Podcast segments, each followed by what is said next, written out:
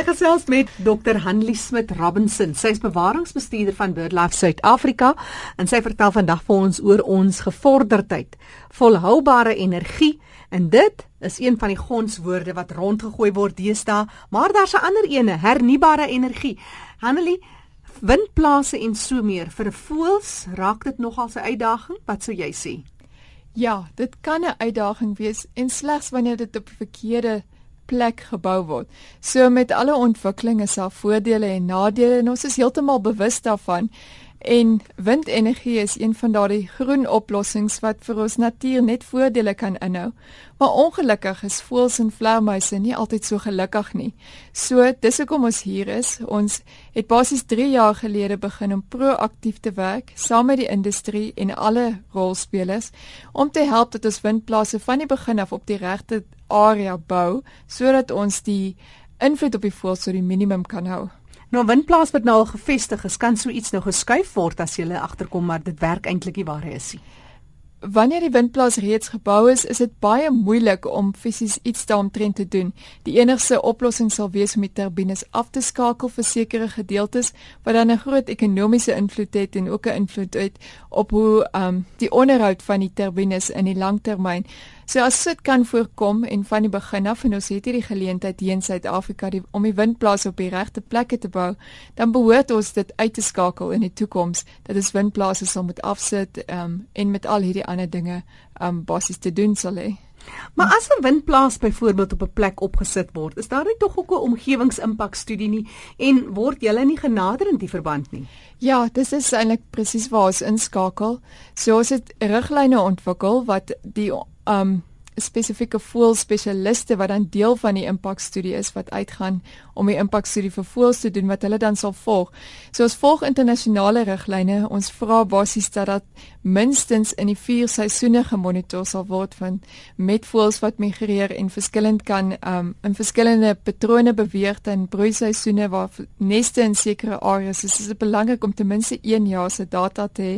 Natuurlik sou 3 jaar se data be beter wees, maar ons probeer ook die industrie um tegemoetkom in hierdie um hierdie saak. Nou werk ons ook nouliks saam met die departement van omgewingsake sodat hulle basies die riglyne wat vir ons die heel belangrikste is of soos die minimum vereistes dat hulle dit kan inwerk in die proses in die goedkeuring van 'n windplaas wat dan moontlik kan gekies word as een van die windplase wat later sal gebou word. So dis eintlik vir die vir die ontwikkelaars ook 'n baie lang en moeilike proses waardeur hulle gaan en die sekerheid kom eers op 'n baie laat stadium of die windplaas sal voortgaan of nie. Natuurlik kan ons nooit 100% seker wees nie. Ons het net soveel voel data tot ons beskikking en ons moet absoluut die beste daarvan maak, maar ons kan probeer om tot die beste van ons vermoë voorspelling te maak waar die minste impakte sal mm. wees. Mm. Um en natuurlik is daar dan die areas waar daar konflik is want baie keer waar die wind die heel beste um bron van wind beskikbaar sal wees, is dit ook waarvan ons voëls sal wees wat die meeste beïnvloed sal word. So as dink byvoorbeeld aan roofvoëls en en aan aasvoëls, voëls wat ook baie lank lewend is, so die impak op seker daai spesies is baie groter. Wat gebeur spesifiek met die voëls by 'n windplaas? Vertel ons. Goed, so daar's verskillende impakte wat ons kan kry. En die eerste eerste een is baie dieselfde as vir vele ander ontwikkelinge en dis habitatverlies of daar fisies 'n sekere gedeelte van die habitat nou net weg is waar hulle voorheen nes gemaak het of dat hulle bewegingspatrone beïnvloed word. Maar dit is nog 'n kleiner impak as die ander impak waar hulle direk in die windturbines invlieg en dit tot mortaliteit sal lei. So wat ons sien met baie van ons voëls wat dan die meeste geaffekteer word, soos byvoorbeeld ons kraanvoëls, ehm um, wat dan terwyl hulle vlieg, sal in plek van dat hulle voor hulle kyk, kyk hulle af want hulle is besig om kos te soek op die grond. En dis net 'n normale ding so 'n navorsing het nou bewys dat voels um die visie dat hulle eerder afkyk as wat hulle reguit voor hulle sal kyk en dis is hulle nie altyd bewus van wat in in hulle omgewing aangaan in terme van kraglyne en dan ook windturbines nie. Maar wat die impak kan dan ook nou groter kan maak is dat hierdie turbine beweeg. So dis baie moeilik vir die ja. voël om fisies hierdie beweging en die tempo waarteen een van die lemme um sal in die ronde omgaan om dit te bepaal. En ek dink dikwels dink hulle gaan dit maak, maar dan is dit nie die geval nie. Maar in Suid-Afrika weet ons nog baie min. Dit was nog onmoontlik om sover studies te doen. Ons het op hierdie stadium net 8 windturbines wat staan en ons En dis kan ons net leer van ander dele van die wêreld wat natuurlik verskillende spesies het, maar die groepe spesies kan dieselfde is dieselfde. Ons weet byvoorbeeld dat aasvoëls van daai groepe is wat die meeste um geaffekteer sal word. Hmm. Maar as mense dink aan aan hernubare energie en ander metodes om skoner energie in die wêreld in te stuur, is dit sekerlik iets wat wat hier is om te bly. Dink jy dat voels, ek meen jy praat van roofvoëls, hy voels is vir eeue al met ons. Dink jy hulle kan evolusionêr aanpas of daar's wel 'n geval wat baie van hulle die windplaas kan vermy. So hulle kan moontlik leer dat hulle die area eerder moet vermy.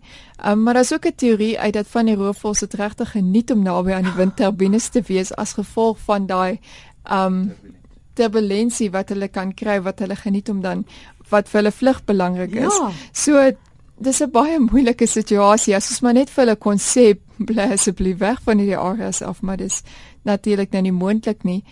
En dan dit is wat die geval wat ons in Suid-Afrika het, maar dan het ons ook na ons buurlande, soos ons spesifiek kyk na Lesotho, dan is daar voorstelle om windplase te bou op die hooglande van Lesotho waar ons baataasvoëls en ons kraansaasvoëls vlieg. Ons weet dat hierdie spesies reeds baie bedreig is. Kraanvoëls is bedreig, um, baataasvoëls is krities bedreig. Daar's bykans omtrent 100 pare net in daai Drakensberg area. En as as skielik die nuwe impak van windplase gaan wees, dan weet ons nie of hierdie spesies dit sal oorleef in die toekoms nie. So julle doen nou al hierdie navorsing kyk na die een kant windplase, dis belangrik. En soos jy reg aan die begin gesê het, die goed hoef nie 'n kopseer te wees as dit reg benader word nie. Aan die ander kant is die voëls daar, krities bedreigde spesies, kwesbare spesies en net voëls oor die algemeen. Wat hoe waar sien jy trou hierdie twee met mekaar? Wat stel julle voor? Ek dink die heel beste is, is om heel van die begin af met ons te praat en met die bedreigde natuurlewe trust. So ons het 3 jaar gelede 'n groep gestig wat genoem word die Birds and Wind Energy Specialist Group. Hulle gee dan raad aan hierdie twee um aan BirdLife South Africa en aan die bedreigde natuurlewe trust en Die produkte wat ons reeds ontwikkel het, is baie baie belangrik om hierdie produkte te gebruik sover moontlik. So dis dan 'n stel riglyne waarvan ek gepraat het vir um ten minste 1 jaar se monitering. Ons werk tans aan riglyne vir postkonstruksie monitering met ander woorde as die windplaas reeds staan om die impak te monitor en te kyk wat moet ons doen om te verseker dat dit um wel dat die impak tot die minimum gehou sal word. Dan dan is daar ook 'n sensitiwiteitskaart wat deur ernstig ontwikkel is en hierdie um kaart dui dan sekere areas in Suid-Afrika aan wat meer sensitief en wat minder sensitief is. So heel aan die begin wanneer jy besluit neem ek wil in 'n sekere area ontwikkel, maak dit sin om na daai kaart te mm. kyk en net vinnige idee te kry van wat is die tipe voëlspesies en hoe sensitief is die area.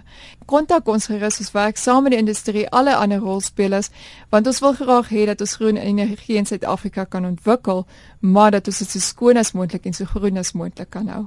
Dr. Hanelie Smit Robinson wat gesels sy is bewaringsbestuurder van BirdLife Suid-Afrika. Ernst Retief is hier by ons in die ateljee, streeksbewaringsbestuurder Gauteng en Limpopo.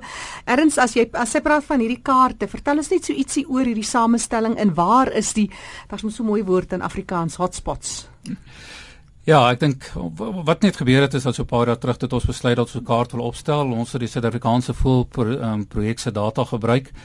En die eerste ding wat ons gedoen het, ons het 'n hele lys opgestel van al die spesies in Suid-Afrika en en hulle ge georden in hoe in watter mate ons dink hulle sensitief is vir windplase. Met ander woorde soos Gonnelie nou net genoem het ehm um, ten opsigte van die aasvoëls en die hulle is bo aan die lys en die kleiner voeltjies is laer af van die lys.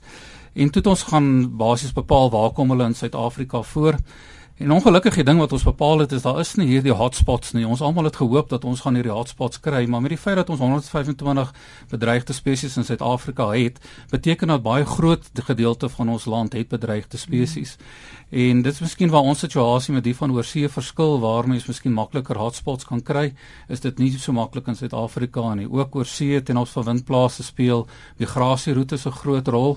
Ons is aan die einde van die van die migrasieroutes, so migrasie byvoorbeeld speel nie so groot rol nie.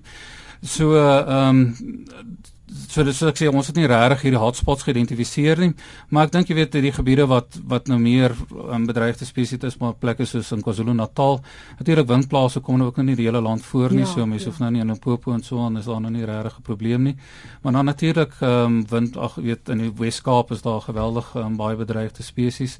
Ehm um, voels beweeg ook tussen verskillende vlei lande in groot hoeveelhede en as mens natuurlik in die middel van dit 'n uh, windplaas gaan sit dan gaan mens groot probleme kry. Ja, so maar dit was 'n baie interessante projek geweest en het mens nogal gewys jy weet dat hierdie feit dat ons so baie bedreigde spesies het maak dit moeilik om vir iets soos windplase en ontwikkeling voorsiening te maak. Mm. Baie dankie Ernst Retief en soos Dr. Hanlie Smit Robinson vroeër gesê het, hulle sal graag van die publiek insawel kry om hierdie data so volledig moontlik dan te kan voltooi. Hanlie, jy het ook julle kontakbesonderhede e vroeër gegee. Wil jy dit net weer vir ons deurgee? OK, ons het ook 'n voels en 'n windenergie bestuurder by BirdLife Suid-Afrika. Die probleem is eintlik so groot of ons wil die probleem so klein moontlik hou dat ons dit belangrik gevind het om iemand in hierdie posisie aan te stel. So dis Samantha Ralston wat in Kaapstad baseer is en jy kan haar kontak Our e-posadres is energy um by birdlife.org.za. Of jy luister as kan net ons webwerf besoek by um birdlife.org.za. Dr Hanelie Smit Robinson, Hanelie, jy het vroeër ook vertel van die interessante storie van katte. Vertel bietjie vir ons. Ons kry dikwels wat ons hoor van die publiek en van die industrie dat katte maak baie meer voels dood as windplase. Regtig, is dit tyd? Dis nogal waar. Ja, ek moet sê hulle is almal reg, maar die spesies verskil baie. So katte maak nie aasvoels en roofvoels en kraanvoels dood nie en dit is juist hierdie spesies wat so bedreig is en wat ons moet bewaar. Dr Hanlie Smit Robinson wat gesels en Ernst Retief van BirdLife Suid-Afrika en net weer hulle webtuiste dis www.birdlife.org of jy kan 'n e-pos stuur na Samantha Ralston dis energy by birdlife.org.za